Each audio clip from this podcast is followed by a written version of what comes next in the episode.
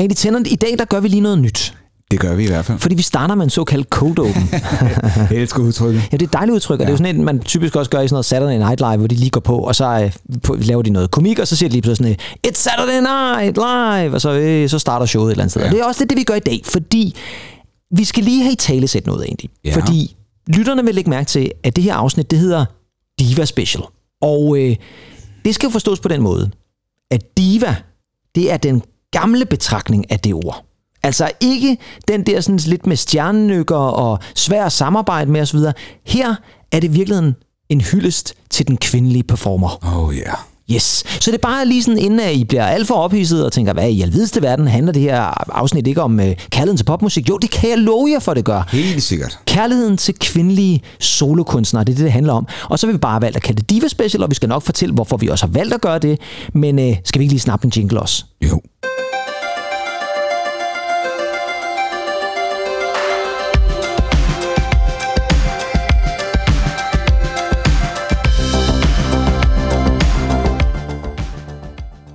Og Andy, skal vi ikke lige øh, præsentere os for en god ordens skyld? I lytter jo til noget ved musikken. En podcast om kærligheden til musik. Overfor og mig sidder Kim Pedersen. Over for mig sidder Andy Tennant. Lige præcis. Og øh, det er altså, som vi startede med at sige, kvindernes dag, eller Ja. kvindernes afsnit, skal vi vist nok sige. Ja. Fordi vi har nemlig tænkt os i det her afsnit at hylde alle kvindelige solomusikere.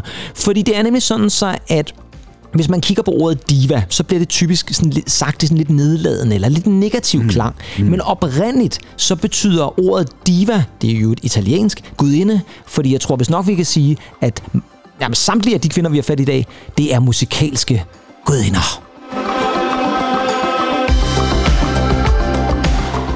Og egentlig, jeg kan også fortælle, at vi skal igennem rigtig mange eksempler. Vi skal igennem rigtig meget musik. Så jeg synes faktisk bare, at vi skal kaste os ud i det. Ja, jeg skal gøre det. Lige- Men lad os lige starte med det negative alligevel, fordi mm-hmm. hvorfor tror du, at det der ord diva lige pludselig har fået sådan lidt en negativ klang? Fordi det er jo sådan, så hvis man slår det op så oprindeligt, så er det altså det her italienske ord, som oprindeligt blev brugt om en gudinde, og i dag faktisk bliver beskrevet som den exceptionelle kvindelige performer, hvis imponerende talenter får dem til at fremstå guddommelige. Ja. Hvorfor i alvideste verden er det så sådan noget i dag med, åh, det er en rigtig diva og stjernenykker og øh, øh, øh, og så videre? Jamen, jeg, og jeg tror, at det du siger med stjernenykker måske har, øh, kan spille ind. Ja. Den her forhøjelse af popularitet har medført noget stjernenykkeri. Ja. Er det, er det igen det der med, at uh, der har været nogle mænd, som tænkte, og nu kommer der altså nogle kvinder, som kan stå på egne ben og selv performer, og så bliver man sådan lidt, øh, så skal vi lige finde en måde at pille dem ned igen på. Jeg, jeg, ved- jeg ved det ikke, men altså, jeg har jo også hørt øh, rygter om, hvor egne divaer herhjemme, at der kan nogen, der kan være lidt øh, tunge at danse med, ikke? Jo, jo, jeg vil da også sige det sådan, det. jeg tror også, der er nogle af de her kunstnere, som kan være øh, svære at samarbejde med, og vi kommer også tilbage til et par af dem. Men som udgangspunkt, så vil vi altså bare gerne tage fat i dem, som er rigtig dygtige til selv at stille sig på en scene. Og hvad det så er, det indebærer, det skal vi nok vende tilbage til. Mm. Men øh, skal vi ikke også lige sige, at en af grundene til, at vi faktisk har valgt at lave det her afsnit lige nu, det er jo fordi, at i næste uge, Ja. Når der er efterårsferie, Yes. torsdag den 19. oktober, der spiller Diana Ross Ja, i Royal hun. Arena. Og hun er jo oppe sådan i slut 70'erne, og det er nok hendes sidste rigtige turné. Og hun er jo sådan eksemplet på en sådan klassisk diva, som startede der i tilbage i 60'erne med Motown og så videre, ikke? Fuldstændig fantastisk. Fuldstændig fantastisk, men som jo på den der måde også er, blev en solokunstner, som kunne stå på egne ben ja. Og øh, virkelig være fantastisk et eller andet sted. Mm. Hun er i hvert fald en af de kan man sige, ansigter, der dukker op. Hvis man søger diva, så dukker Diana Ross typisk op. Men øh, vi stopper ikke der, mm. fordi øh, ugen efter, altså den 25. oktober og den 26. oktober, i selv samme Royal Arena, hvor du indtil for nylig slet ikke har været egentlig, der, øh, der spiller Madonna også. Ja, Og der har vi jo en anden kæmpestor musikalsk solosangerinde, som vel også kan betragtes lidt som en diva nogle gange, tror Ja, jeg. man nok sige. Hun spiller altså to dage i træk derinde også med hendes Celebration Tour, som først lige er startet over i London nu her. Så det er altså to af de helt store, man kan se, hvis man øh, stadigvæk kan få billetter. Jeg tror faktisk, der er udsolgt. I hvert fald til Diana Ross, tror jeg, der er udsolgt. Men jeg tror, den ene af koncerter til Madonna er måske ledig. Okay, ja. Men det er altså en af grundene til, at vi har valgt at gøre det her lige nu, fordi at det ja, bare er store musikalske talenter, vi har i Royal Arena. Men øh, hvis vi skal se på det sådan rent historisk set, så er det jo tilbage i det 16. århundrede, at kvinderne sådan ligesom bryder ud af den der mandsdominerede performanceverden. Mm. Fordi der var det jo altid mændene, der skulle være skuespillere, og de skulle være sanger, og kvinderne, de kunne slet ikke finde ud af sådan noget. Mente mændene i hvert fald. Og så blev det her ord diva altså brugt især om de der exceptionelle kvinder, som ligesom kunne stå frem på en scene. Og det er jo især inden for opera, og det giver jo meget god mening, når vi er i Italien. Mm, mm. Det er især inden for opera, at de her divaer ligesom dukker op, og det gør de så i de 19. århundrede. Det er jo altså store operastjerner som øh, Jenny Lind, mm. som jo var ja, meget øh, beundret af især øh, Hans Christian Andersen. Ja. Han var vist meget stor fan ja. af hende, og jeg tror, at der også, var han ikke også nærmest forelsket i hende? eller sådan noget, det har han jo været forelsket i så mange. Jo. Ja, det var han nok, ja. Så var der hende, der hed Adelina Patti, som også var en meget, meget stor stjerne. Og så tror jeg, at i 1900-tallet, der er en rigtig opera-diva nok symboliseret ved Maria Callas. Åh oh, ja, selvfølgelig. Ja. Altså, det Ja. ja. fås vel ikke større, tror jeg. En kæmpe, kæmpe stor øh, sangerinde. Har du øh, noget forhold til hende, eller opera sådan generelt egentlig? Det tror jeg aldrig, vi har snakket om. Nej, altså, jeg har været inde og se Rosalga. okay, hvad var det? øh, operan Rosalka. Nå, okay, som så blev øh, performet her af Kermit. ja, Ja. ja. Og altså ikke Amin Jensen. Nej, det var ikke Emil Jensen. Øhm, ja, men, men, men det, det er sgu ikke så meget opera. Så er jeg, så er jeg egentlig været, jo, altså nu slynger jeg jo ikke for at slynge mig, men jeg har altid været glad for Hendels arier. Ja, ja. Og, sådan, og også noget Mozart faktisk. Ja, ja, der er også men, meget- meget men, godt men, der. men, men, det er ikke meget, jeg sådan har lyttet. Nej, Øh, nej. Det kan jeg heller ikke påstå, at jeg har, vil jeg sige. Men uh, Maria Callas, det ved jeg godt, hvem er. Og der kommer vist nok en film til næste år, tror jeg nok, om hendes liv, hvor det faktisk er Angelina Jolie, der skal spille Nå, Maria. Callas. Så den tænker jeg, det kunne godt gå ind og blive sådan en, en stor uh, biopic eller sådan noget. andet. Ja. Men jeg synes faktisk lige bare for at få startet, lad os da lytte til noget opera, for det er altså ikke så tit, vi har spillet det i noget ved musikken. Bare lige for at få os ind på, at det her, det er altså den klassiske ja. version af en diva, altså Maria Callas, og her er nummeret, der hedder Norma.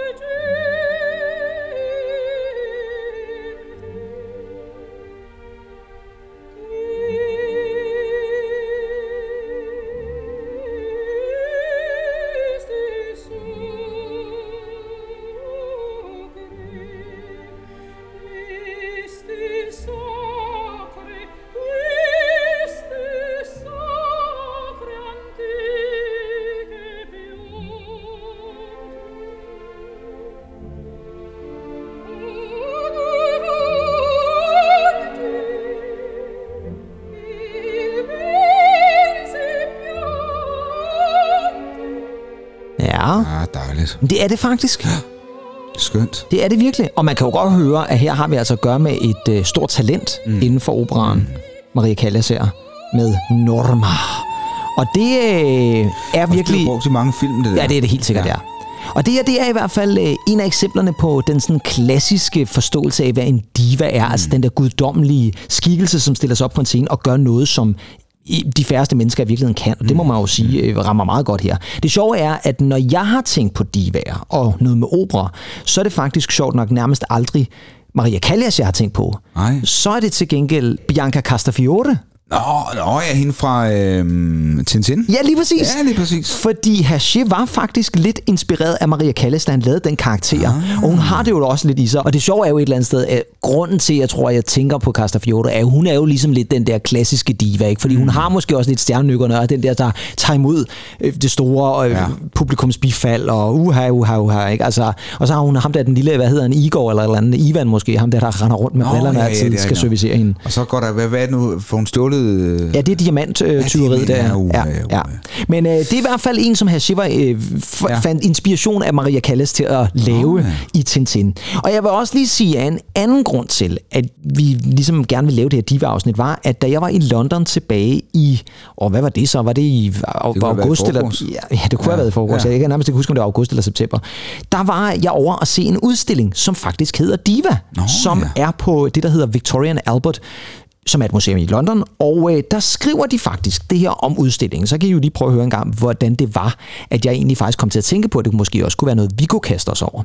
Diva celebrates the power and creativity of iconic performers, exploring and redefining the role of diva and how this has been subverted or embraced over time across opera, stage, popular music and film.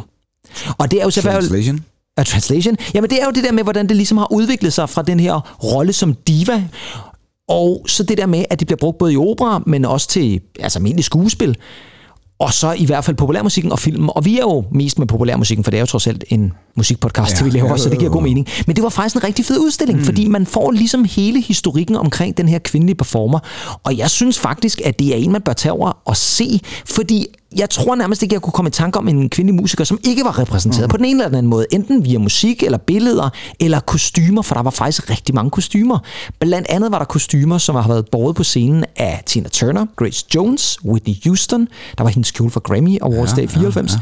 Josephine Baker, du ved ja, hende med ja, bananskørtet der, ikke? Amy Winehouse og Adele. Og øh, udstillingen kører altså frem til 7. april 2024, så man har altså god tid til at komme over og se ja, det vil jeg nok sige. Det, jeg synes, man skal tage over og se den, ja. for den er fantastisk, og den giver virkelig sådan et godt indblik i, hvordan den der kvindelige performer har udviklet sig. Er dyrt at gå på museer i London? Det er dyrt at gå på museum i London, men typisk så betaler man jo ikke noget for at komme ind på museet. Det er typisk Nej. særudstillingerne, man betaler for. Og oh, den, jeg synes ikke, det var så... Jeg tror, jeg gav sådan 120 kroner eller sådan noget. Ja, så slemt okay. var det faktisk ikke. Men Andy, vi skal jo ligesom måske prøve at nærme os lidt, hvad det er kendetegnende ved en diva, altså en fantastisk kvindelig performer er. Mm. Og jeg har ligesom kogt det ned til tre ting. Og det ved jeg godt, det øh, kunne man sikkert finde masser af andre ting.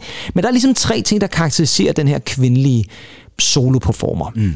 Det første, jeg har valgt at tage fat i, det er stemmen. Ja. Hvor vigtigt vil du sige for dig også, at en kvindelig sangerinde eller en performer har en smuk sangstemme, eller en karakteristisk sangstemme? Hvad, hvad er egentlig det vigtigste for dig, tænker du? Jamen, jeg, jeg kan jo godt lide de karakteristiske sangstemmer, ikke? Ja.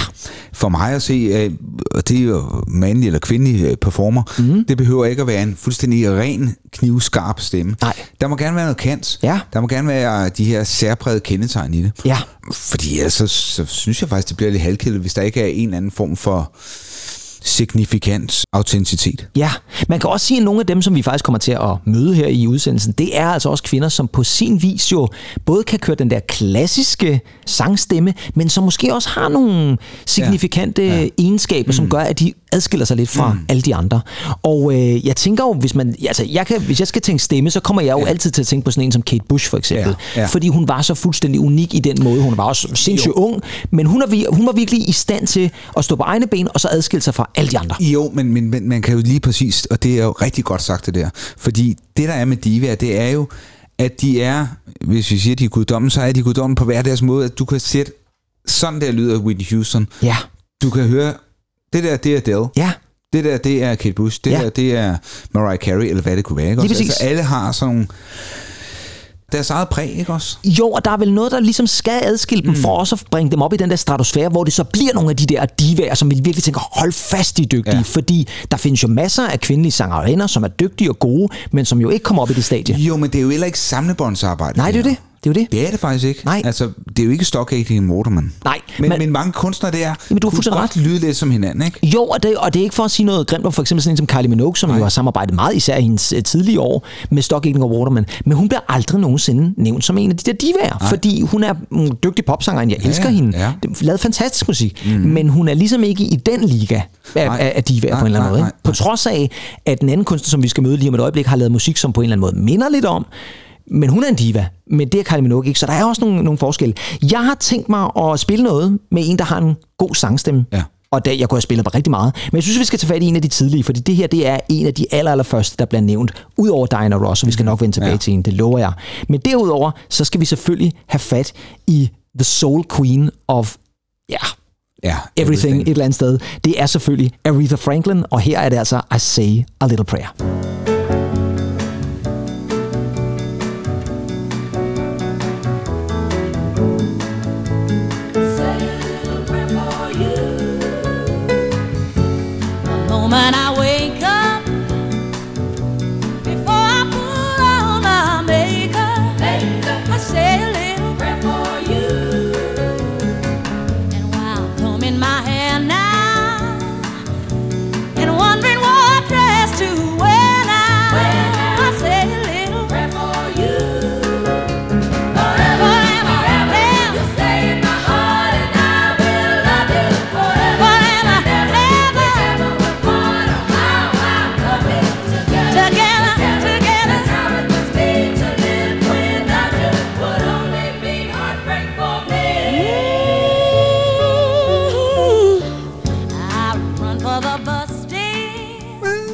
Smukt. Ah, Burt Bacharach, Hal David. Det er jo det. som har stået bag sangskrivningen. Ja, også ligger, at man sådan virkelig kan høre den der gamle produktion, ikke? Med at kor Ja, ligesom er skønt, over i den ene side der, ikke?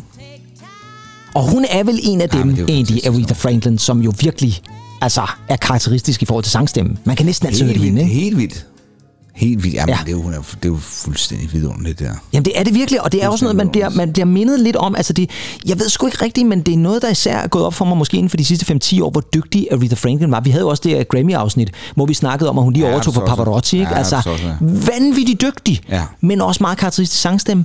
Og også bare øh, enormt mange genrer jo et eller andet sted. I 80'erne lavede hun jo også noget lidt mere dansabel popmusik faktisk. Ja, ja. Øh, også en anden god sang fra 80'erne, ikke? New You Were Waiting sammen med George Michael, altså, Ja. hvor de begge to bare nailer den Ja, det er altså. fantastisk. Kanonnummer det, et det, det, mand. Ej. Ja. Det er en kunst, det der med at, at skulle adskille sig fra, fra alle de andre. Ja, helt sikkert. Nogle gange kan man gemme sig lidt i et band, ikke? men, men øh, når du står på egen ben, som de her gør, så, så skal der lige det her ekstra til, hvis du altså vil slå bredt igennem. Ja, lige præcis. Nå, det var så den ene ting, det var ja. Sangstemmer. Vi skal nok vende tilbage til masser af flere kvindelige kunstnere, fordi vi kører også lidt igennem vores klassiske 80'er, 90'er og så videre, ikke? fordi vi skal jo selvfølgelig have fat i nogle af vores favoritter også. Men øh, en anden ting, som jeg lige tænker også er vigtigt for mange af de her divaer, de her solokunstnere, extraordinary, larger-than-life skikkelser, det er deres udstråling Ja. og ikke mindst deres outfits. Yes. Hvad tænker du om det? Altså, giver det ikke også meget god mening, at når man sådan ligesom skal op på den her scene, og måske adskille sig, men også være sådan lidt larger than life, så må man i virkeligheden godt have en fuldstændig vanvittig udstråling, eller nogle fuldstændig sindssyge Vanvittige outfits. outfits. Jo, præcis. jo, jo, jo. Det, det, det tror jeg hænger med. Ja, Der er jo ingen tvivl om, at, en kunstner er en af mine store favoritter, også inden for diva-genren, ja. Whitney Houston. ja. Der er jo ingen som hende, der kan bære en, øh, en flot balkjole, vel? Nej, og det, hun er jo faktisk sådan en, der er sådan typisk, når hun har været live, været sådan meget traditionel, altså mm. i kjole og så videre, ikke? Fordi man kan jo også gå over til de der lidt mere ekstreme, som for eksempel Madonna, ikke? Som kommer ind med, med, Med kejler, med kejler som bryster og så videre, ikke? Var det, var det Preben Christensen? jeg tror, jeg tror, at det var Madonna, der startede Ja, den. Jeg ja, tror, at det ville være ja. voldsomt at give ham æren for det. Men, øh, men, men det var jo også bare noget, som folk tænkte på, gud, kan man også det? Og øh, i dag kan vi jo også tage fat i sådan en som Lady Gaga, som jo også Ja. har haft Ja, vanvittigt kødkjolen, Ja, øh, glemmer ja, vi vel. Aldrig et eller andet sted. Ikke? Så det er jo stemmen, det er den der, men det er vel også noget performance i det. Altså man Mhm. skal vel på en eller anden måde stå frem, og så igen det der med at adskille sig, men også kunne stå ved det, om Mhm. man så har en balkjole på, eller om man har en kødkjole på. jo, jo, øh, be, be, bestemt. Jeg vil sige, sådan en som øh, Lady Gaga, hun er jo utrolig original på rigtig mange områder, ikke? Og også det musikalske, må man sige. Ja, det, det hun er jo fuldstændig fantastisk. Ja. Og, og der er jo en grund til, at hun også havner deroppe. Det er jo fordi, at hun adskiller sig så meget Ja. Fra, fra, øh, fra alle andre. Ja, og det var vel også, altså udover det, hun var skide dygtig som musiker og, og alt det der, så var det jo også noget, man lagde mærke til, man tænkte mm. på, gud, hvad i alvideste verden mm. foregår der der, ikke? Man har nærmest ikke set noget eller det, mm. siden Madonna i hvert fald startede, ikke? Øh, en anden kunstner, som vi heller kan komme udenom, når vi snakker udstråling og kjoler, det er Grace Jones. Ja. Ladies and gentlemen, Miss Grace Jones. Jones, the rhythm.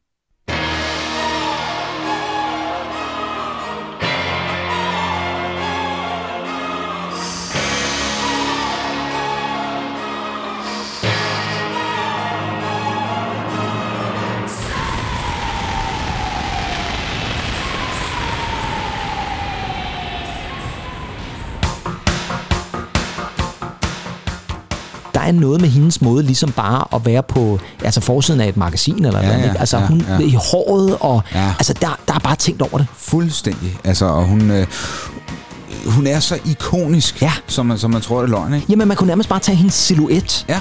Og så vil man vide, det var Grace Jones. Så, så vil du vide det. Ja, og sådan er det faktisk også med sangstemmen, fordi der, her der har vi jo så en kunstner, som måske ikke har den der skøn sangstemme, men som alligevel er karakteristisk i den måde, hun synger på. Mm. Og det er heller ikke så mange kunstnere, som får lov til at blive introduceret så fantastisk, som hun gør på det her nummer, som er åbningsnummeret for Slave to the Rhythm albumet, som sjovt nok hedder Jones the Rhythm.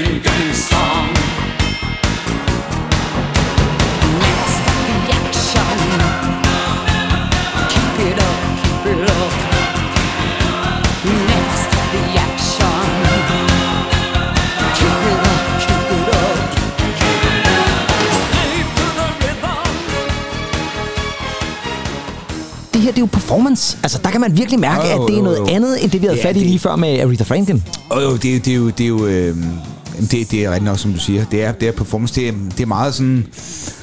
Det er teatralsk ja, også, ikke? Altså, teatralsk og meget sådan artwork helt klart, ja. Jeg kommer til at tænke mig den der argument med... Du, du, du, du, du, du, du, du. Altså Bon Jovi, om de har fået inspiration fra den. Det kan da godt være, ja. Altså, der kunne godt være noget, øh, noget inspiration der. Super fed øh, baseline der. altså. Sindssygt fedt, jo. Men, øh, men det er igen for bare at sige, at her har vi altså at gøre med en kunstner, som måske ikke sådan rent sangstemmemæssigt var sådan meget unik eller flot på den måde, men som bare var særpræget. Stil- Stilikon, ikke? Hun er et stilikon, og, og hun gør det jo fantastisk. Og så bliver hendes sangstemme jo så også lige pludselig interessant, fordi hun jo gør de ting, hun gør på scenen også. Fordi man kan nærmest se, altså jeg kunne nærmest se hele sceneshowet for mig bare ved det åbningsnummer her, ikke? Der er ingen tvivl om, at, at, at Grace Jones er jo en, der vil se resultater, ikke? Jo, helt sikkert, ja. Jo, jo, fordi jeg tror også, der har er vi... resultatorienteret. Jo, og nu var vi jo før inde på det der med, med nogle af de negative aspekter ved diverne. Der kunne jeg også godt forestille mig, at hun kunne være sådan en, der kunne finde på at komme ind og så... Øh, det de blå M&Ms? gerne vil have, Ja, de blå M&M's og, og et køleglas ja. vin, ikke? der Ja. lige bliver serveret, når hun. Ja. træder ind på teateret der, ikke? eller sådan noget. Og det, det, det, det, ja, hun har nok ikke været helt nem. Nej, det har hun nok ikke. Bosat i Haslev i dag, men derfor kan hun jo godt være... Øh, Det, derfor kan man godt være helt normal, ja. ja. Nej, men jeg ved faktisk, at Trevor Horn på et tidspunkt udtalte, at ham og øh, Grace Jones har lidt sådan et sjovt øh, kærlighedshadforhold ja. Ja, til hinanden. Ikke? Ja. ja. Altså, de er altid ender med at sidde og snakke sammen, men hun er altid sådan lidt tvivlsom, når han ringer og siger, "Mm, Grace, kan du være med til det her show, fordi jeg skulle gerne lige performe nogle af mine gamle numre. Og sådan, så hun er sådan, nej, det gider jeg slet ikke, Ej, det er slet ikke mig. Mm. Og så øh, kan han alligevel få overtaget det. Ja, okay. Så det, sådan tror jeg også mange gange, at de der forhold er, ikke? Altså, man accepterer det på en eller anden måde, at der måske er nogle lidt besværligheder forbundet ja. med nogle af de her kunstnere. ja. Den sidste tredje ting, for det her det var så udstråling af kjoler, den sidste tredje ting, som jeg også synes er ret vigtig for dem, der virkelig bliver ved og ved og ved, og dem, Mm. som er gået over i historien, det er aktualitet. Det er de kvinder, Ja. de performer, som også formår at udvikle sig mm. og prøve noget nyt. mm. Tænker du, at det er, øh, er en af grundene til, at vi jo faktisk, og det skal vi nok vende tilbage til, når vi når slutningen af afsnittet, men tænker du, det kunne være en af årsagerne til, at vi jo faktisk ikke ser så mange af de der store diva larger-than-life performers længere? Fordi jeg vil jo våge påstå, at der ikke er så mange af dem tilbage. Nej. Altså, det kommer ikke lige så mange, Nej. som der gjorde der i 80'erne og 90'erne. Nej, det, det er du ret i, og jeg vil også sige, at, at når der sker... Øh, lad os tage Whitney Houston, ikke? Ja, Øhm, som du virkelig ynder at snakke om. ja, jeg elsker hende. øhm, man kan jo sige, da hun kommer frem i 80'erne, Ja. så kommer der 90'erne, og så har det ligesom været de to øh, perioder. Ja. Så rykker vi op i nullerne. Det er ligesom om, at der, der mister hun øh, Ja. der mister hun pusten. Ja. Og folk fastholder hende i det billede, som måske, mm, ja, altså slut 80'erne, starten af 90'erne, ikke? Helt sikkert, ja. Og, og, og nogle gange, når man kommer op på så højt niveau, kan det være svært at komme videre med noget, noget andet. Altså, folk har ligesom et fast billede på, hvordan den kunstner nu er, ikke? Jo, og så kan man sige, så kommer der jo også nogle nye kunstnere, nogle yngre kvindelige Ja, ja, ja. divaer, som, som måske øh, presser de andre af tronen et eller andet mm. sted. Ikke? Og det er jo klart, det er jo svært.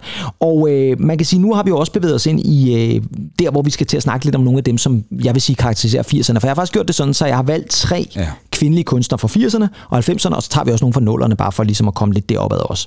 Og lige præcis aktualitet, der synes jeg faktisk, man skal starte med hende her. Og der er to, har jeg lavet mig fortælle, af de her divaer, mm. som bliver kaldt for de ultimative divaer. Og det er fordi, de jo både er divaerne, som vi godt kan lide at snakke om, og lytte til og alle de her ting, og sager, men også der, hvor man godt ved, at her der bliver det, det kan blive besværligt. Mm. Der, der kan godt være nogle øh, besværligheder ved at samarbejde med dem her. Og det er jo Madonna. Ja. Altså man kan ikke nævne 80'erne, og man kan ikke nævne kvindelige sangerinder eller performere, uden at nævne Madonna. Mm.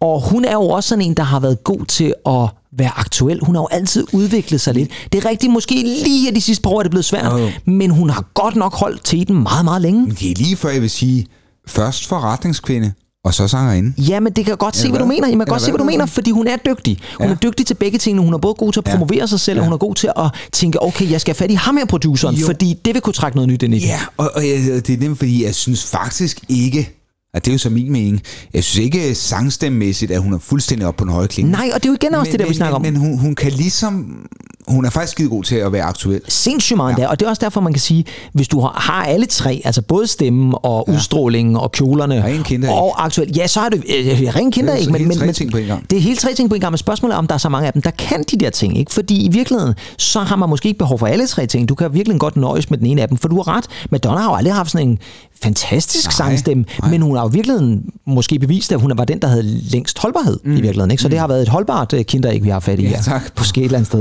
Det er ikke gået på datoen. På køl ved siden af mælken. På køl ved siden af mælken, og så som sagt i Royal Arena her om et par uger. Men nu skal vi lytte til noget Madonna, fordi at hun har jo også lavet en af 80'ernes mest sælgende albums. For når man går ind og kigger på, hvad der så har solgt rigtig, rigtig meget, og der kan vi jo også se, hvor meget af kvinderne betyder, så har hun faktisk lavet det 10. bedst sælgende album i 80'erne. Og det er det album, der hedder True Blue. Mm. Og fra det album, så skal vi selvfølgelig lytte til noget Madonna. Og her tager jeg nummeret, som jeg holder rigtig meget af, fordi man kan få lov til at åbne hjertet på Open Your Heart. See you on the street and you walk on by.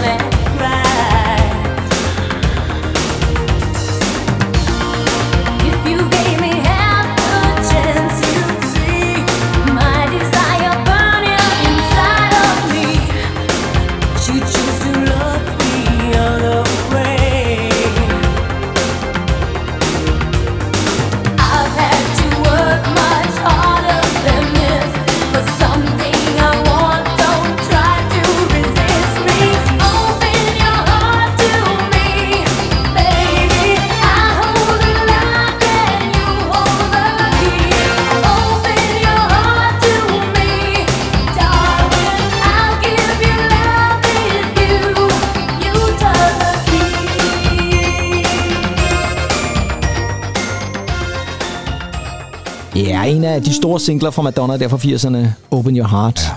Og igen, altså, det fungerer jo, det er super lækkert og poppet og alle de der ting og sager. Og så må man jo altså sige, at hun jo øh, virkelig definerede 80'erne. Mm, altså jeg tror, ja, det hvis man skal det hive tre øh, kunstnere ud af 80'erne, så er hun i hvert fald en af dem. Ja, helt vildt. Man kommer vel ikke udenom hende. Hende og Whitney Houston, vil jeg sige. Jo, og så tager du fat i den næste af dem, jeg har taget fat i. Fordi jeg har selvfølgelig taget fat i Whitney Houston. Uh. Men jeg har taget hende i 80'erne, for det er ligesom der, Ja, ja, hun slår jo, igennem, kan ja, man sige. Og det er rigtigt, hun har jo også Bodyguard i 90'erne, som jo sælger helt vildt, og som bliver den bedst sælgende album, som sagt, i øh, 1900 og... En af de bedste film i 90'erne, ja. Ja, lige præcis. Ja, det kan man så diskutere. Men fair nok. Hun kommer lidt ud af det blå, virker det som om. Og sådan lige pludselig, så er hun der bare. Og så er hun nærmest fra start af bare kæmpestor. Ja, ja, ja, men altså... Hvor meget tror du, det betyder, at det er en ung sort sangerinde? Ja, det var sgu et godt spørgsmål. Ja, fordi det var. Jeg ved godt, at Aretha Franklin og alle de der ting også havde været der, Diana Ross, øh, men, men, men altså, der, der, der sker jo et eller andet mm. der med, at, at man der lige pludselig kommer øh, en, en ung kunstner her, som, som også øh, skal lidt på egne ben, og ja, ja, der er et pladselskab, der kræver lidt af hende osv., ikke? men hun virker jo, som om hun er i total control og balance lige fra starten af. Ja, ja, ja. Der er ingen tvivl om, at Whitney Houston, hun formår jo ligesom at trække alle ind i sin fold. Ja, Alle former for hudfarver, var jeg ved at sige, ikke? Eller det sagde jeg så. Men, men, men, men forstå mig ret, det her appellerer ikke kun til én Nej. bestemt gruppe amerikanere. Nej. Hun får øh, faktisk alle med, sort som hvid, gul som blå. Jo, du har fuldstændig ret. Og det der billede, som jeg kan huske fra OL i Seoul 88, hvor hun står i det der træningsoutfit, det der amerikanske træningstøj, som de alle atleterne er på der til åbningsceremonien, mm. og hun synger One Moment in Time, og det er det er fantastisk, Ja, ja, men det er også ligesom på som om alle bliver båret sammen et eller andet sted. Du har. Hun er- Korea, hun er- det er Asien, du har en sort amerikansk kvinde. Altså ja. det, det hele går bare op i en højere enhed, og så krænger hun jo bare sjælen ud. Jamen, det er vel også det, ja, det er lidt senere, hvor hun synger øh, national, The National Anthem. Det, jeg tror nærmest, det er samme begivenhed er også. det, er det samme begivenhed? Det tror jeg faktisk, det er. ja, det er. Det. det tror jeg faktisk, det er. Men det er i hvert fald en, en ret vild øh, ting, og, og man kan sige, Whitney Houston kan man heller ikke komme udenom, og hun har også en stor karriere stadigvæk i 90'erne, men du har smuk. ret. Og så er hun smuk, ja. Men der ligger også det i det, at 80'erne ligesom, hun starter jo, kan man sige, i noget, som på en eller anden måde har sådan lidt R&B, solede rødder, og så bevæger hun sig jo egentlig over og bliver sådan meget dansabel, ikke? Ja. I Wanna Dance With Somebody er jo et super dansabel pophit. Men hun kan altså også godt med balladerne, fordi det er jo en af de ting, som vi i hvert fald skal snakke om, når vi kommer op til 90'erne. Det der med, at... Ja, lige præcis. Det er nemlig lige præcis det, vi skal have fat i. Er det det? Ja, det er det egentlig, fordi vi skal selvfølgelig have fat fra hendes debutalbum i nummer, der ja. hedder Saving All My Love For You, fordi det er en ballade. Whitney-klassiker. It's not living all alone. My friends try and tell me find a man of my own, but each time I try, I just break down and cry, cause I'd rather.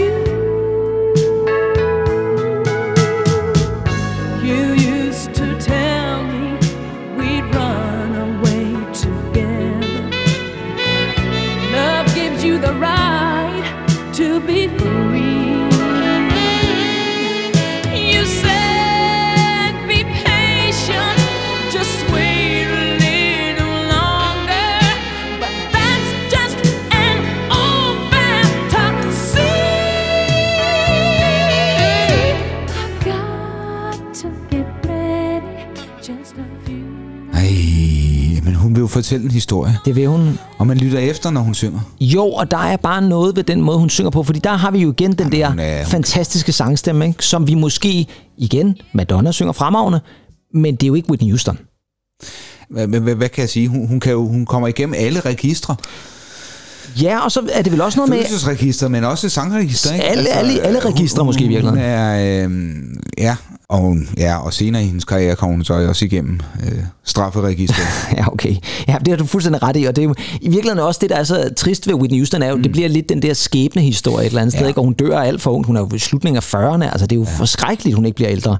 Og øh, Whitney er jo også et godt billede på, at i 80'erne, den der unge, uskyldige et eller andet sted, og så kommer problemerne måske ja. Ja. lidt, lidt senere i karrieren. Ikke? Altså, Det er jo desværre noget, som, som mange af de her kvinder jo, vi kommer til at snakke om en anden en lidt senere, også øh, faktisk er en del af, desværre. Mm. Vi skal lige have en mere, mere fra 80'erne I egentlig. øvrigt en øh, Ja. ja, tvivlsom god film, vil jeg sige. Jeg har ikke set den, men jeg har en- en- en faktisk bevidst god- ikke set den, Nej, fordi nej, jeg faktisk synes Nej, ikke, den- at... Den er heller ikke særlig god. Det vil jeg sige... Stanley Tucci med i den, og der ja, kunne måske få mig. Ja, han er altid som, som, fantastisk. som uh, Clive Davis. Ja, lige præcis, ja. Og som jo var en... Og jeg tror faktisk stadig, han lever, Clive Davis. Ja, det gør han. Det er jeg rimelig sikker på, han gør. Men øh, øh, blev portrætteret som et vidunderligt menneske. Og, Ja, og som ja. jeg også tror, altså nogle gange så har man en forestilling om, at de her pladeskabsbosser, de har været nogle dumme svin. Ja. Ikke ham her. Nej, det virker som om, han i hvert fald var meget ja. øh, interesseret i, ja. at Whitney fik en god start på karrieren. Ja. ja. Vi skal have en tredje kunstner mere med fra 80'erne, Adi, og vi skal selvfølgelig have fat i hende, som...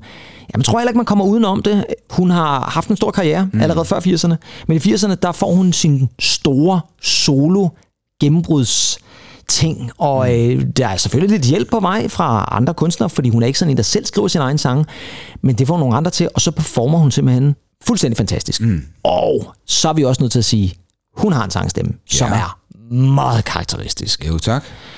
Hun bliver kaldt rockens bedstemor. Ja, I al den tid, jeg har kendt til hende, har hun blevet kaldt det, selvom hun så på det tidspunkt måske kun har været i 50'erne. Det er måske lidt hårdt. og hun lod sig inspirere til en, en tv-serie, Tøner og hund måske. Ja, Ja, det var jo en film. det var en film, ja. ja. Men uh, sådan er det. Det er selvfølgelig Tina Turner. Ja. Og øh, hun er vel også bare en, øh, en god måde at, at tage en af ud fra 80'erne og sige, det er... Oh, jamen, Det er en, der betyder noget. Hun, hun, er jo, hun, er jo, hun er jo utrolig. Ja, men det er hun. Hun er utrolig, og, og det kunne jo let have gået galt for Tina Turner. Ja, helt sikkert. Hun har ben i næsen, hun har en sangstemme som ind i et eller andet. Og så er hun jo bare en stærk kvinde. Ja, altså hun øh, overlevede jo ligesom øh, Ike Turners øh, voldelige overfald, og jeg ja, ved ikke hvad. ja. Og så stod hun på egen ben til sidst, mm. og det er jo også det, der gør, at hun er sådan en, man, man, man husker og øh, tager med. Jo, hun er desværre jo lige død, kan man sige. Ja. Men hun er en kunstner, som, som man simpelthen er nødt til at tage med, når man skal snakke de her diva-kunstnere. Også fordi jeg tror ikke altid, hun heller har været særlig nem at samarbejde jeg med. Der var faktisk en anden kunstner, som har udtalt lidt, at han havde det faktisk lidt svært med hende. Og det er i virkeligheden måske den største diva af dem alle sammen, nemlig Elton John. Og ja, men han, han, han, han smider jo om sig med, med beskyldninger og hister her. Ikke? Ja, men, men jeg tror især ham og Tina Turner, de havde Ja. virkelig et anstrengt Ja. forhold. Det var noget Ja. med, at de skulle på turné sammen i 90'erne, i slutningen Okay. af 90'erne. Men det blev ikke rigtigt til noget, fordi at uh, Tina Turner under nogle øvelser påstod, at Elton John ikke kunne spille Proud Mary rigtigt, og jeg ved ikke hvad. Så, så gik det helt galt. Ja, det er sindssygt, mand. Ja, det skal man ikke gøre over for Tina Turner. Men en ting, hun i hvert fald kan levere, det er en fremragende vokal, som du sagde, Indy. Og det kan hun ikke mindst der på We Don't Need Another Hero. looking for something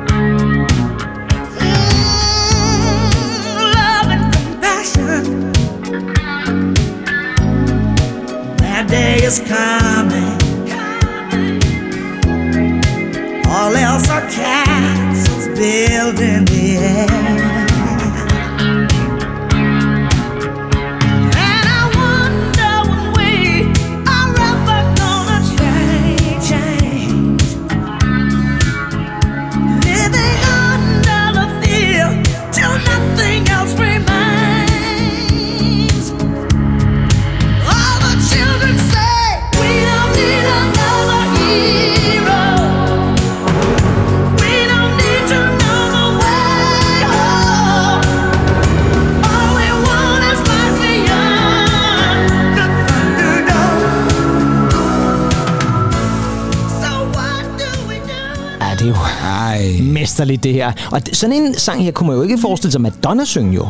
Altså, den Ej, skal ej, bruge så- sådan en. Tina Turner stemme der, ikke? Men uh, Tina Turner er i hvert fald en af dem, som vi er nødt til at tage med til 80'erne. Ja. Og så skal vi også bevæge os op i 90'erne, fordi i 90'erne, der synes jeg faktisk, der sker noget lidt andet, fordi det er rigtigt, der er stadigvæk masser af de her store performer. Øh, øvrigt vil jeg også lige sige, vi kunne have nævnt mange flere fra 80'erne. Altså, øh, som jeg allerede nævnte, Kate Bush og Cindy Lauper og Belinda Carlisle og jeg ved ikke hvad, men, men vi, vi holder den ligesom der, for ellers så kan vi jo blive ved, så bliver det en udsendelse på fire timer. Øh, 90'erne egentlig, der øh, kommer der nogle rigtig, rigtig store nogen. Mm. Jeg vil faktisk våge påstå, at en af dem, som virkelig sætter standarden for, hvordan man skal være, både som diva på den ene måde og på den anden måde, det er hende, vi skal starte med, nemlig Mariah Carey. Ja, tak. Og i hende ved jeg, at du har et øh, dejligt forhold til. Jo, altså... Øhm, jeg kommer til at tænke på Music Box-pladen, ikke? Og det er jeg glad for, du siger, for det er faktisk ja. der, vi skal lytte. Ja. til noget fra. 495, ikke? Nej, jeg tror, den er faktisk fra 93 egentlig. Ja, jo. Men jeg kan godt forstå, fordi hun udgiver ja. også meget lige den periode Jo, der. ja, men jamen, det er det, og, og jeg kan sgu snart ikke adskille de år fra hinanden Nej, det er også med, med, med, med kinddans, fordi det var jo virkelig, jamen det var virkelig. Altså, det Er det der, næsten ikke for, for, for langsomt til en kinddans, det der? Hvor, ah, der, der var altså, øh, der, var, der var nogle gode kinddansnumre på. Ja, men jeg tænker, vi skal spille et af dem lige om lidt. Men vi- vi Music skal- Box-albummet sælger jo faktisk 30 millioner. det, jeg kunne huske, det var sådan et fuldstændig vanvittigt. Det er det 10. sælgende- bedst sælgende album ja. Ja. i 90'erne ja. Ja. overhovedet. Ja. Og det siger jo også lidt om, og det, det vil faktisk sige det sådan, hvis vi kigger på den liste, og vi har jo lige gennemgået den faktisk, fordi vi gennemgik den faktisk for et par udsendelser siden, hvor vi snakker om de bedst sælgende albums i 90'erne, så er det faktisk otte af albumsene, hvor Mm. man på en eller anden måde vil kunne sige, at det er en kvinde, der står bag, altså solomæssigt. Ja, ja. Og øh, Mariah Carey, hun er jo altså bare en af de der fantastiske. Jeg vil så også sige det sådan, fordi det er på godt og ondt, hun er en diva, som synger fantastisk, men hun er også en diva, som er til at lave lidt drag i managen, tror jeg. Altså, jeg kan godt huske, at jeg har hørt om nogen, der har hørt noget om, at når hun så skulle være med i for eksempel sådan noget som Top of the Pops, så havde hun lige en 300-400 assistenter med, som altid lige skulle ind jo, og tjekke, om jo. der var bomber og sådan noget. Altså, det har været lidt det, besværligt, det, tror jeg. Det, det, jeg tror også, hun har været besværlig. Ja, men i 1993, der er hun jo også øh, pur ung stadigvæk, og øh, har hun øh, indledt forholdet til Tommy Mottola der, det har hun? Jo, ja, ja, ja, det var virkelig en plads. Det var dengang, man hørte meget om så ikke? Jo, jo, helt sikkert, Ja, det var også korrupt. Eller, det var lidt gangsteragtigt et eller andet sted, ikke? gangsteragtigt. Ja, men ja, vi skal have fat i en af tror jeg egentlig. Og måske har du også taget en kinddans til den her, fordi det er selvfølgelig en af de helt store hits. Og igen viser, hvad det er, Mariah Carey måske er mest kendt for, nemlig hendes sangstemme, med god grund, for det er selvfølgelig Without You. You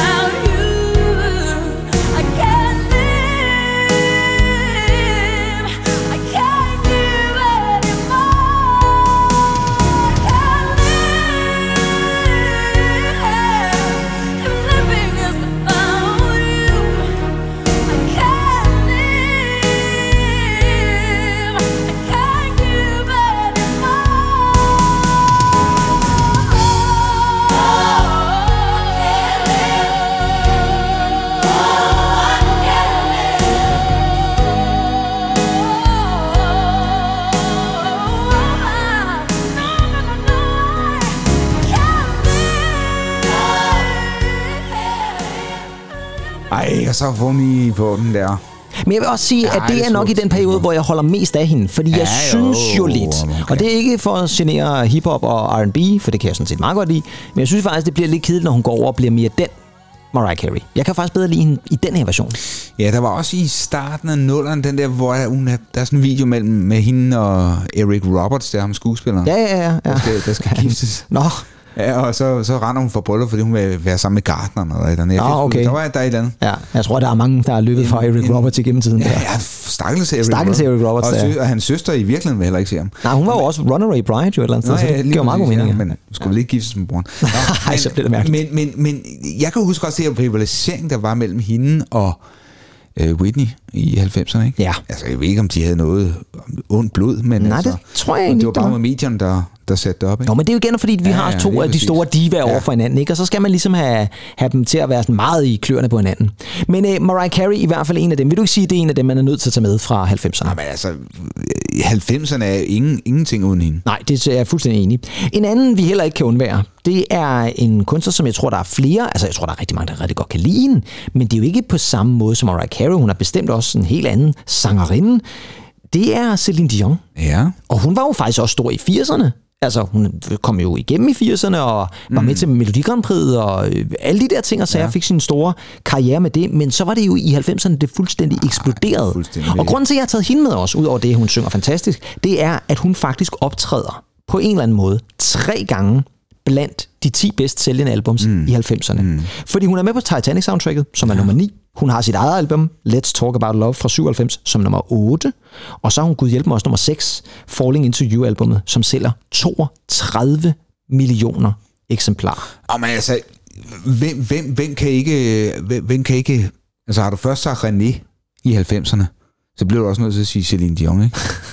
Og når du siger René, så mener du altså ikke for Aqua, men uh, ham der René Belloc der, som var skurken i Indiana Jones-filmen. Ja, hvad var det?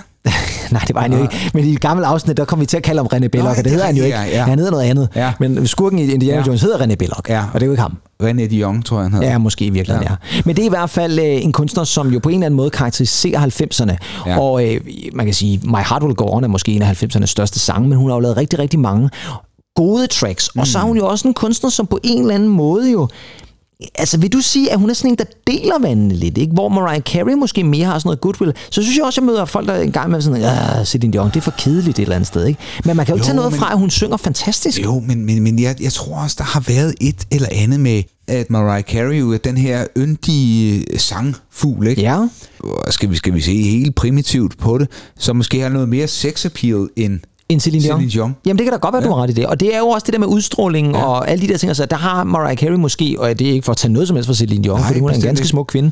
Men, men det er bare noget andet, kan man sige. Ja. Og man kan også sige, at Celine Dion appellerer måske også til et andet publikum. Jo, jo det, det, det, det, det gør hun.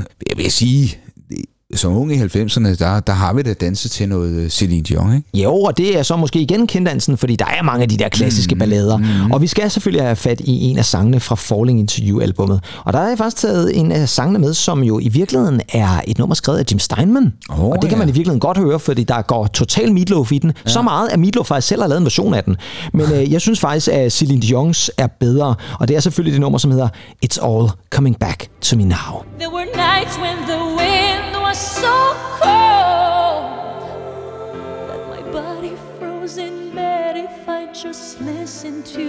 right outside the window.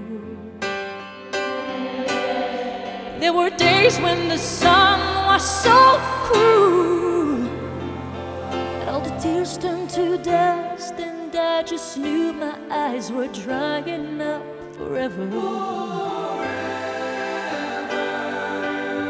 I finished crying in the instant that you left, and I can't remember where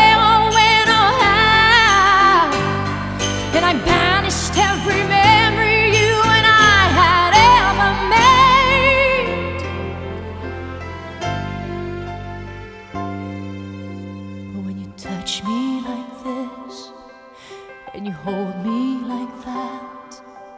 I just have to admit that it's all coming back to me when I touch you like this and I hold you like that. It's so hard to believe, but it's all coming back to me.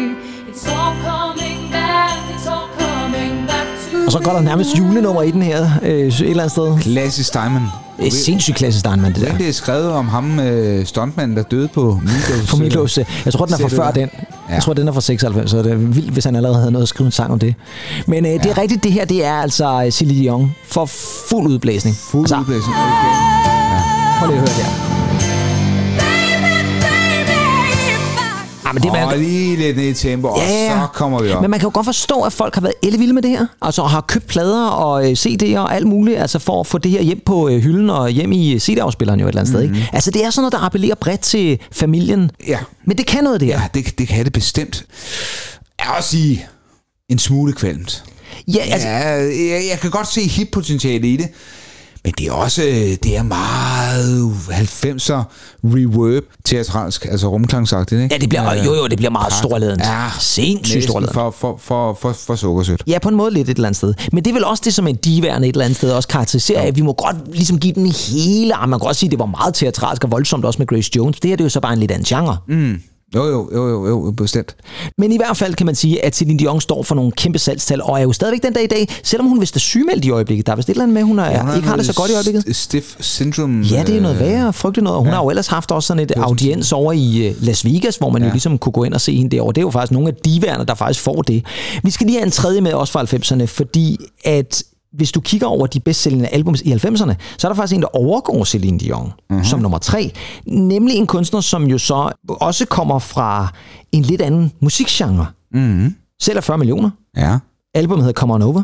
ja, Kunstneren hedder Shania Twain. det gør hun. Ja. Hvorfor øh, tænker du, at hun skal med på sådan en diva-liste? For det synes jeg faktisk, hun, hun bør. Hun er jo en kæmpe Jamen, hun, er stjerne på det her tidspunkt. Fuld, fuldstændig. Jamen, ja, ja, hun, hun, øh, hun kommer jo ind på den her sådan lidt country-scene, som jo Ja, det har det. været meget mandsdomineret, må man nok sige. Jo, det også? må man nok sige. Garth Brooks og hvad de ellers Ja, hedder, ikke? Billy Ray Cyrus og Billy Billy Ray Cyrus. Øh, Kenny Rogers, hvis vi skal lave noget ja, tilbage. ja, lige Chris. Christoffersen. Ja, ja, alle de der. ja, ja. Dolly var måske den ene af de første, ikke? Men, øh, jo, jo, men... Men, men, men Dolly er jo ikke rigtig en diva. Nej. Er hun det? Nej. Er Dolly Parton, vil hun betragte som det? Måske lidt. Ja, måske det, det tror jeg, men, men hun er også en af folket, ikke? Hun er, Jo, jo, det er jo det. Men jeg tror, at hun kommer ind med noget, noget friskt. Hun, Ja. kommer, hun kommer ind og, og, øh, og får et nyt publikum ind under sine vinger, ikke? Helt sikkert, ja. Det er jeg fuldstændig enig i. Selvfølgelig får hun et nyt publikum ind under vingerne, når hun øh, først kommer på det tidspunkt. Men hun får igen massen ind. Jo, det gør hun, og det er jo måske lidt eller det med Celine Dion, at øh, det er ikke massen, der kommer det, hun får ind. Hun får ind, ja. Så er det, jeg tænker på, jeg tror det. Jeg kan godt se, det, at det var- det, det, er ikke den massen, jeg tænker Det er. Peter Skrøder som øh, kæmpe Shania Twain-fan der, ja. Nej, men, men, men du har ret. Det, det er masserne måske i virkeligheden. Det er music for the masses i virkeligheden. Det er, Ja, det er det. Det er musik til familien. Og øh, igen, lidt ligesom med Celine Dion, det er noget, der sælger helt vildt. Og øh, jeg har faktisk valgt at tage en af de hendes lidt, fordi man kunne sagtens finde øh, nogle øh, optempo country ja. numre, men vi skal have en af dem, som jo faktisk blev et kæmpe, kæmpe stort hit. Og som er lidt mere nede i tempo, Åh, ja. og hvor hun jo både viser, at hun synger fantastisk, Still the one I am. lige præcis. Ja. Det er You're Still the One fra Come On Over. Looks like we made it. Look how far we've come, my baby. We might have took the long way. We knew we'd get there someday. They said, I bet they'll never make. But just look at us holding on. We're still together, still going strong. Still, you're still the one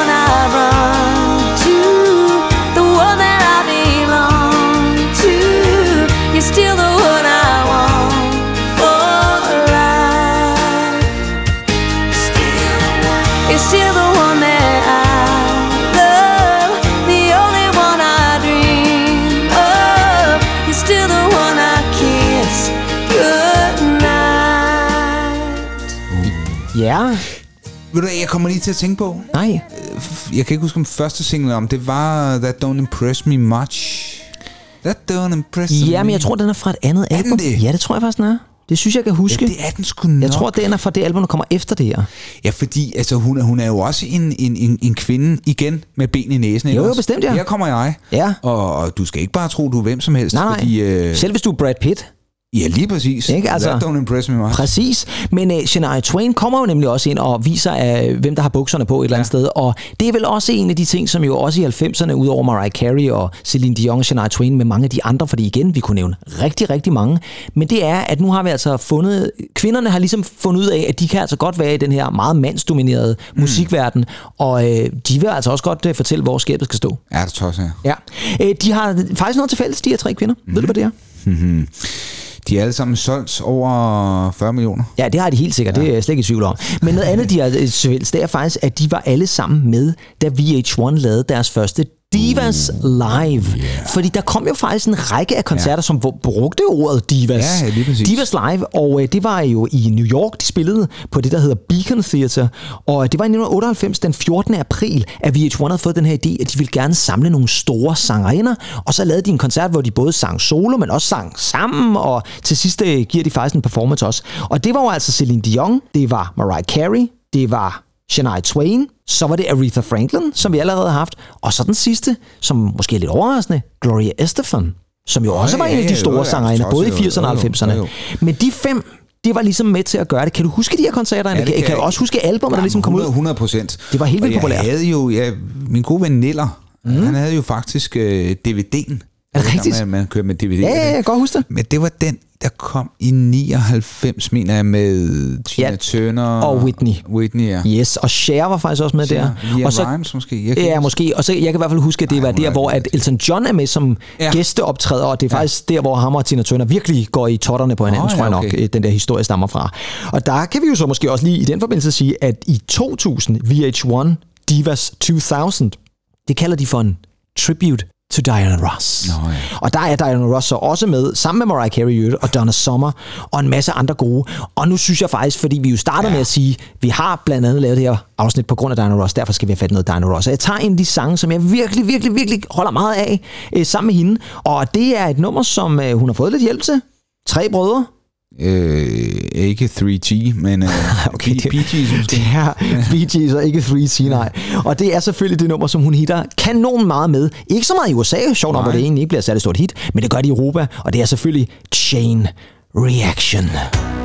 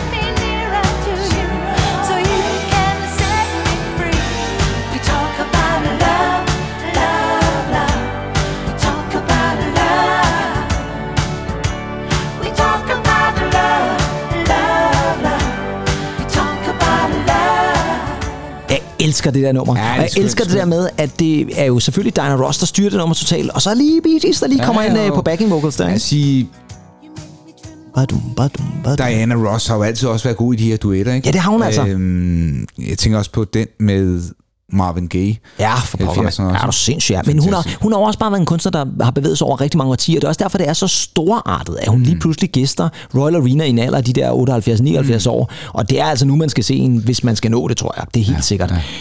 Vi skal altså også lige have nævnt nogle af de kunstnere, der er i nullerne, og jeg kunne faktisk også godt have nævnt en mere fra 90'erne, fordi mm. det fjerde bedst sælgende album i 90'erne, det er jo Alanis Morissette.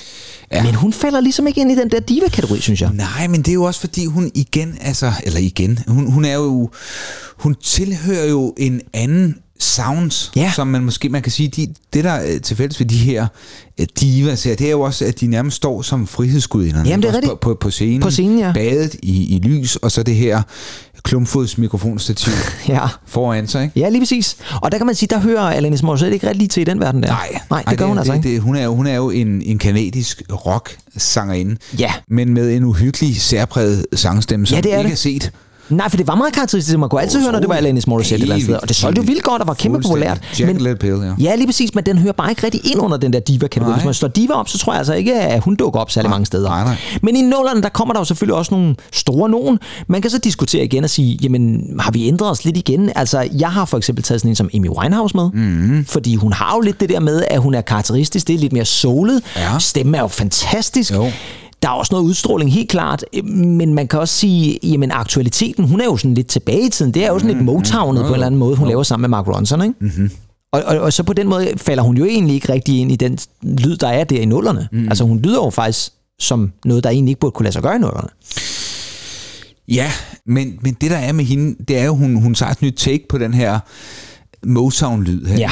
øh, sammen med Mark Ronson. Jo, og så helt klart. igen en særpræget stemme, som du ikke har set mage til. Hun kommer også på det rigtige tidspunkt, vil jeg Ja, sige. det gør hun helt klart, ja. Og man kan sige, hun har jo det der debutalbum, der hedder Frank, som egentlig ikke, det går meget under radaren, Ja, folk lægger ikke ja, mærke til ja. det. Og så kommer, øh, hvad hedder det, Back, Back in Black ja, albumet, ja, ikke? Som, ja, ja. som jo bare sælger vanvittigt, Ja. og som jo også bare bliver en kæmpe succes, fordi lige pludselig har vi den her, som jo også er en, det er jo, ja, diva-karakteren, men det er jo også en fejlagtig diva, fordi hun er jo både, Mhm. altså hun er øh, nærmest øh, allerede øh, alkoholiker på det her tidspunkt, Ja, ikke? Og er måske også ind over stofferne, og ligesom med Whitney Houston ender jo også destruktivt, og med at dø alt, alt, alt, alt for tidligt, Ja, ikke? for 27 år Ja, gammel. det er jo det. Hun er jo i 27-klubben der. Ja. Ikke?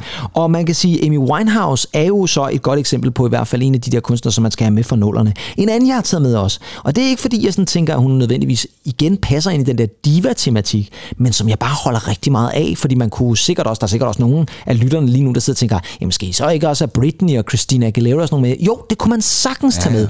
Men hvis man skal tage nogen, som jeg synes virkelig formår at være interessante og anderledes, så er sådan en som Pink for eksempel en af dem, jeg vil tage fat i. Ja, ja det, det, det, det, det kan du sige. Øhm, Jeg synes, hun bringer noget andet. Hun bringer ja. noget frækhed og noget ja. Ja. sådan gå på mod. Og igen, den der med, at hun står og siger, nærmest, fuck ja, altså jeg skal nok styre det her selv mm, et eller andet sted. Mm. Jeg synes, hun altid hun har haft noget attitude, som var sindssygt fedt. Plus det, jeg synes, hun har en fantastisk sangstemme. fuldstændig vidunderlig sang, som jeg, jeg altid godt kunne lide Pink. Ja, og det er lidt ærgerligt, fordi hun er jo sådan, hun er igen også aktualitet. Hun er sådan en, der faktisk har fulgt med jo. Ja, altså, hun, hun laver stadigvæk gode numre. Er jo men, kæmpestor stadig i Danmark. Altså, øh, send hende i Royal Arena, så bliver udsolgt. Jamen det tror jeg også. Og igen, havde man spurgt i nullerne, hvem overlever? Christina Aguilera, Britney Spears, Pink. Så tror jeg ikke, folk ville have sagt Pink. Så tror jeg Nej, faktisk, de ville have sagt de andre. Ja. Og det viser også bare et eller andet sted, hvor stærk en kunstner hun egentlig er. Jamen, jeg, jeg tror også bare, det der med, at hun, hun appellerer altså også bredt. Det gør hun nemlig, ja. Og det gør hun jo stadigvæk et eller andet sted. Og jeg har tænkt mig at spille et nummer med Pink, fordi vi har ikke spillet Ja. særlig Nej, meget Pink, nej, tror jeg, i vores udsendelse. Så jeg synes, ja, vi skal simpelthen spille noget Pink. Og nu har jeg taget et nummer, som er fra hendes Greatest Hits album. Det var faktisk den single, der blev taget derfra, som Ja. kom i 2010. Og det er et nummer, som også bare er fest, og nu har vi spillet mange ballader og sådan noget. Nu skal vi have gang i den af det. Og det skal vi selvfølgelig med en lille skål, fordi vi skal sammen med Pink raise your glass. Right,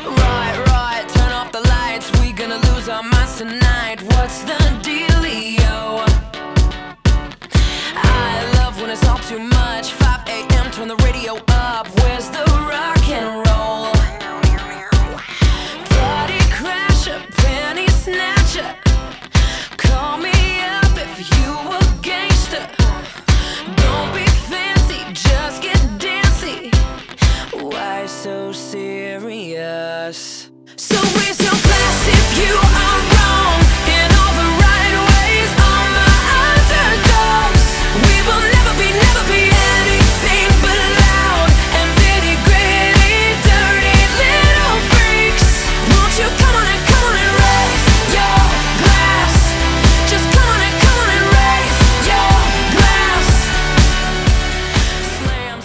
lige øh, til skålning med, øh, med Pink her. Jeg spurgte en øh, rigtig god ven, om hun lige kunne anbefale et Pink-nummer.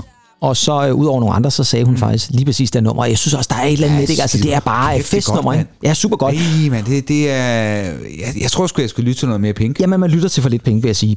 En anden kunstner, som vi allerede har, men som jeg også er nødt til at tage med i sådan nullerne, det er jo selvfølgelig Lady Gaga. Fordi der har vi jo igen at gøre med en kunstner, som måske sangmæssigt, jo jo, hun synger flot og godt, men det er jo ikke Whitney Houston, og det er ikke Mariah Carey, og det er ikke mm, deroppe, vi er. Men udstråling og kjoler og sådan nogle ting, hun formår igen, det er ligesom at Madonna, ja. at være businesskvinde ved siden af, jo, ikke? jo, jo, jo. Ja. Tænker du ikke, hun er også en af dem, som virkelig øh, sætter spotlight på kvinderne der i nullerne? Åh, oh, sindssygt jo, jo. Ja, altså hun har jo så også kastet sig over skuespil og sådan noget, så det er jo også lidt den der klassiske med, at ligesom Whitney Houston gjorde, ikke? Altså så går man ligesom nogle andre veje også, ikke? Er det også en karakteristika, tror du, ved nogle af de her larger than life kvindelige skilser af, jamen så kan de sgu også lide det andet? De, de, de kan det hele, ikke? Ja, Og, og, og, og det er jo det, at altså, det er jo nogle gange som at balancere på et knivsæk. ja fuldstændig. Øhm, det her med, du kan hurtigt ryge ud over kanten, fordi du er så eksponeret i forvejen, så bare du nærmest laver en fejl. Ja. Altså, det kunne have gået, det kunne have endt galt for Whitney Houston, hvis hendes performance i Bodyguard havde været elendig, ikke? Jo, og det... Og, og, og, og sangene var sådan lidt, Ja. øh, la, Ja. la, ikke også? Ja. Hvor havde det efterladt hende? Jo, jo, og man kan sige sådan en som Madonna har jo nogle gange brændt nallerne noget så gevaldigt ved at være skuespiller ved siden af. Ikke? Ja. Altså, det er godt nok nogle roller, hun er til. Hun er meget god i Vita, for eksempel, ja, men, men der er også jo. den der Swept Away, den der Guy Ritchie-film, som, som ja. Er redselsfuld. Så, så, så, så det, og det tror jeg, der er nogle gange er nogen, der har sagt, Ej, nu, nu, nu fagner du for bredt et eller andet ja. Sted, ikke? hvor man kan sige, Whitney Houston, øh, hun var med i den der uh, The Preacher's Wife, kan jeg huske også. Ja. hvor hun også er meget god, men jeg har aldrig nogensinde set hende som sådan decideret god skuespiller. Nej. Hun er i orden, men øh, det er jo også det, det bærer, at, at der er nogle gode sange på soundtrack, kan Jo, man sige. jo, og så andre karakterer. Og så andre karakterer, Frank Farmer-karakteren, som øh, jeg ved, du holder meget af. Øh, og øh, på et eller andet tidspunkt, så tænker jeg, at vi ikke laver en special om Bodyguard. Jo. Nå, Andy, Tennant, vi skal så småt øh, nå slutningen, Ja, men jeg kunne vi. godt tænke mig at øh, stille et par spørgsmål til sidst. Nutidens diva, Hvem er det? Stime. fordi jeg kan komme i tanker om et par stykker selvfølgelig. Mm. Sådan som Ariana Grande mm. kunne jeg godt se lidt. Taylor Swift? Nej, ikke rigtigt. Det, det er ikke på den måde i hvert fald, vil jeg sige. Og så er der måske en, som jo i virkeligheden ikke er ny kunstner længere, for hun har snart været her i en evighed, føler man jo allerede, men Adele. Og det er nok Og, hende, jeg så lander på et det- eller andet det, sted. Det, det, er det også, det er det også. For er hun ikke også lidt derhenad, ikke? Altså det det der med sangstemmen og øh, balkjolen, var jeg lige ved at sige, øh, som hun stiller sig op i på en scene. Jeg har set Adele live, og hun er fantastisk. Det er slet ikke Adele, det. hun er, hun er jo et, et, et, et sjovt menneske, ikke? Altså på den måde, at hun er jo sådan en, der kan hoppe i et par, par gummistøvler Ja. øh, fra, fra Dunlop, eller hvad, hvad det kunne være, ikke? Måske, ja.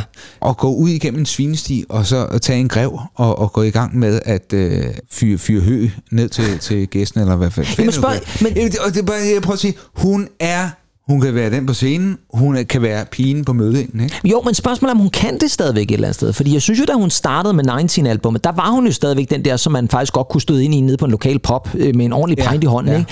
Men så synes jeg jo også, der gik lidt det der med, at nu skulle hun så være lidt larger than life, og så kunne hun måske ikke helt hoppe tilbage til mødingen eller poppen igen. Så er det ikke også noget med, Jo, at det- man på et eller andet tidspunkt også er nødt til at sige, at jeg kan måske ikke være begge dele. Jeg er med på, at hun er sådan hun er måske lidt, virker lidt mere nede på jorden end nogle af de andre, men så alligevel ikke, vil jeg sige, fordi hun er jo sådan en stor karakter i et eller andet omfang, synes jeg. Jo, men jeg, jeg tror måske også, det er gissninger. Jamen, det kan godt være. Det er gissninger, det her. Altså, øh, Niels Pindborg vil måske sidde og klappe i sine hænder. Jo, men øh, nu skal vi ikke reducere os selv til sådan noget se- og hør journalistik. Nej, og det er det. Altså, jeg, jeg tror nogle gange, når man, når man får præsenteret... Det kan godt være, at de har et andet image mm. sådan i medierne, men jeg tror stadig, der, der ligger noget andet gemt i hende. Jo, det gør der helt sikkert. Og det er også derfor, jeg faktisk vil spille et nummer med Adele, som er faktisk fra hendes første album, fra 19-albummet. Og måske det nummer, som... Nej, der er også lavet, hun har lavet rigtig mange gode numre, men det her er faktisk måske mit yndlingsnummer. Og det er også det første nummer, jeg hørte med Adele, hvor jeg hørte det første gang og tænkte på, wow, hvor er det fantastisk. Og øh, det er en ballade, det er Ja. klaver og Adele. Det er et underligt nummer. Og så er det øh, en hyldest til London, hendes hometown, og det er derfor nummeret også hedder Hometown Glory. I've been walking in the same way as I did. Missing out the cracks in the pavement and tutting my heel and strutting my feet. Is there anything I can do for you, dear? Is there anyone I could call? No, and thank you, please, madame. I ain't lost, just wondering. Round my hometown, memories of phrase. Round my hometown,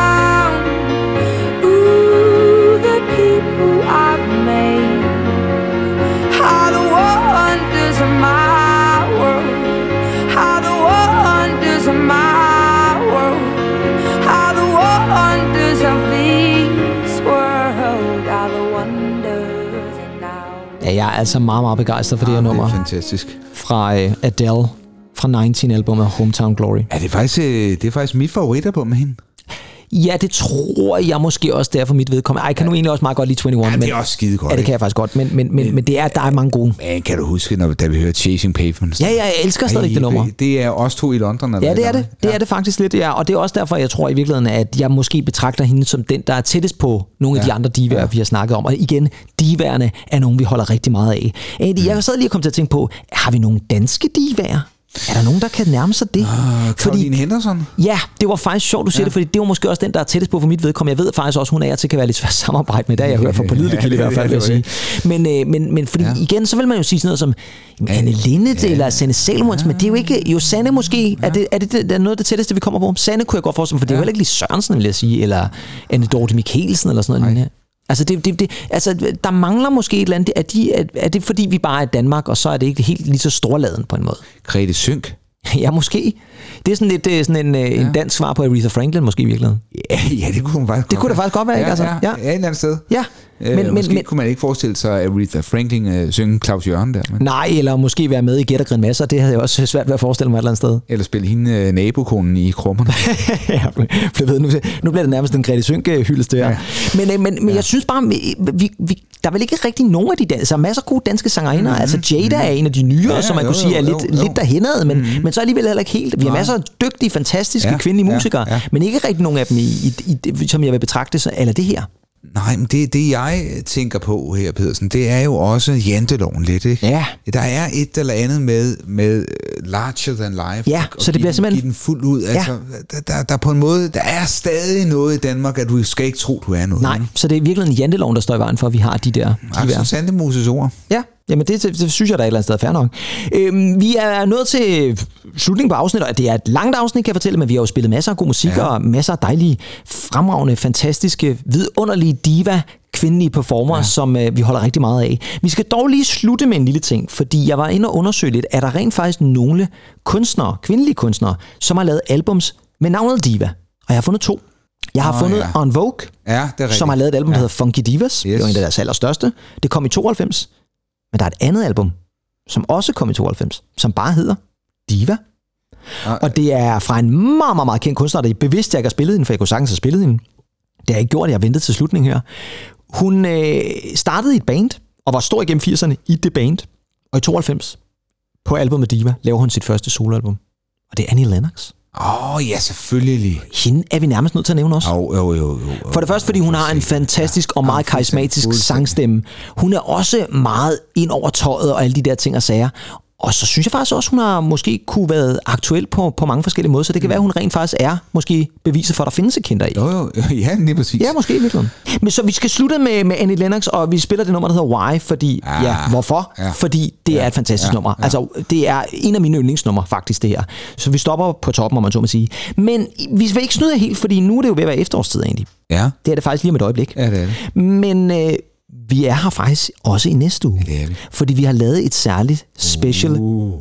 80'er remix afsnit, Yes. hvor vi har ekstra meget fokus på kvinderne. Ja. Så øh, vi spiller rent faktisk et øh, 80'er remix special program i næste uge for jer, hvor at øh, vi har ekstra mange dejlige tracks mm. med kvinder med. Og jeg kan love jer, der kommer faktisk nogle af dem, som vi har nævnt, men som vi ikke har fået spillet. Mm. Øh, blandt andet noget Cindy Lauper, der kommer også noget... Der kommer også nogle af det, vi har spillet, Diana Ross, og vi skal selvfølgelig også lytte til Whitney Houston. Bare rolig, Andy. Selvfølgelig skal vi Uh, det. Men Andy, øh, så øh, var det vel egentlig også bare ordene, synes jeg. Og øh, føler du dig ikke et eller andet sted sådan guddommeligt velsignet af alle de her dejlige kvinder? Fuldstændig, jo, jo, jo, jo, jo. Jeg føler mig også helt høj.